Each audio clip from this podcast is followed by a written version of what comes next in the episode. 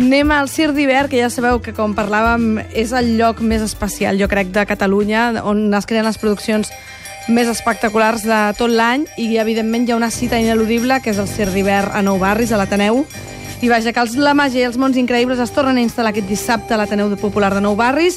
Per 19è any consecutiu, el Cir d'Hivern ha convidat una companyia a fer residència a les instal·lacions de l'Ateneu i representar un espectacle de circ contemporani de creació durant les festes de Nadal. Oblideu-vos d'aquella cosa de pallassos i lleons, el món ha evolucionat i ha evolucionat cap a llocs molt interessants. Aquest hivern l'obra es titula Fira, però l'hem de posar entre punts. Mireia, Isar, explica'ns això. Doncs l'hem de posar entre punts per anar coneixent aquesta fira, perquè no és una fira convencional. D'entrada hem de dir que la dirigeix en Jordi Aspa, un dels homes que més en sap de circ de Catalunya. És Premi Nacional de Cultura de Circ per la Generalitat, Premi Nacional també pel Ministeri, va fundar la companyia Escalata Circus, va dirigir el Festival Trapezi, per tant, o sigui, aquests homes que de circ... Vàlua contrastada. En sap moltíssim.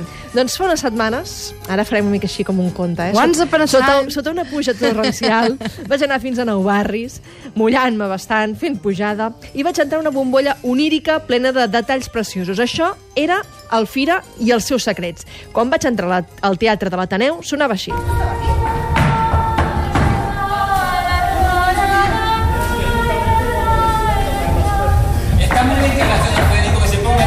Aquests que sentiu, que ni es van adonar que hi era, eh? ells anaven al seu rotllo, en els seus mons fantàstics, són els set artistes del Colectivo Tierra, la companyia formada per músics i acròbates que dirigeix en Jordi Aspa.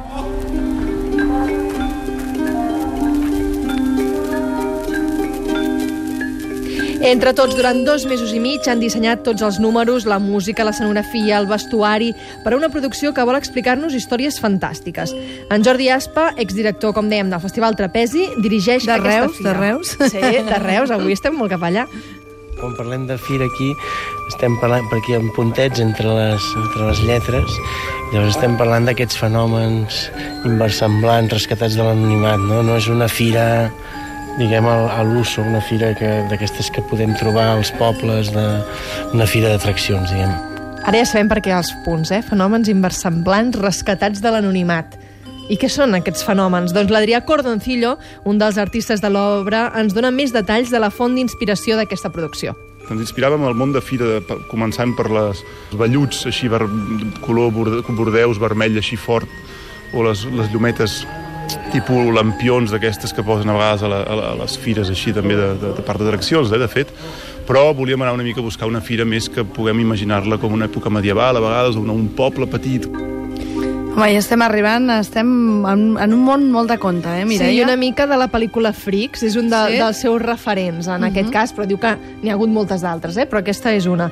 En aquest embalat, per tant, coneixerem tot tipus de personatges. Cada personatge té una vida i el veuran des del principi de l'espectacle ja rebem el públic d'una manera tampoc molt a l'uso. Llavors, a partir d'aquí l'espectador ha, de, ha de tenir els ulls oberts i, i, i anirà veient el conte de cada personatge i de, i de cadascú.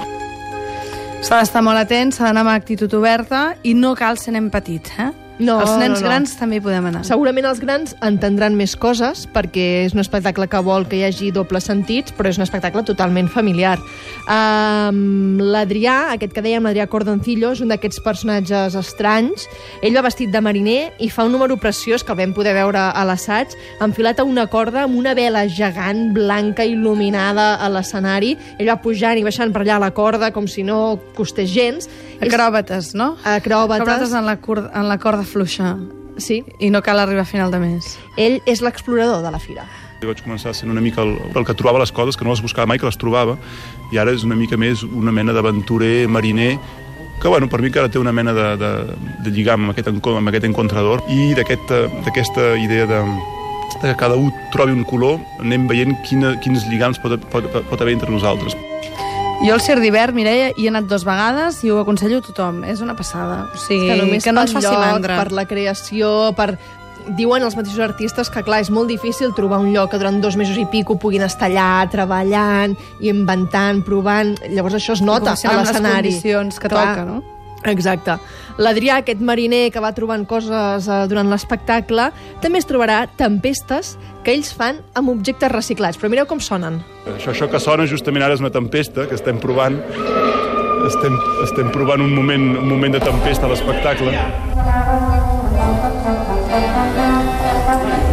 Perquè tota la fira està una mica feta amb aquesta voluntat de reutilitzar, reciclar, és una mica l'estètica que hi ha a l'espectacle. Com deies, ara ja avançaves, eh, fires per tots els públics, però els grans trobaran missatges ocults entre les acrobàcies. En Jordi Aspa dona una pista. Parla una mica de la monstruositat, encara que és així molt superflu, però s'ha de, de buscar. Hi ha monstres que es veuen re reflectits o reflexats, no sé com es diu, en miralls. Hi ha històries de, de dones que parlen de cabells molt llargs, però que també els heu de descobrir potser en el, en el vestíbul d'abans, vull dir, heu, heu d'anar buscant, heu de tenir els sentits oberts, Sentits oberts i deixar-se meravellar.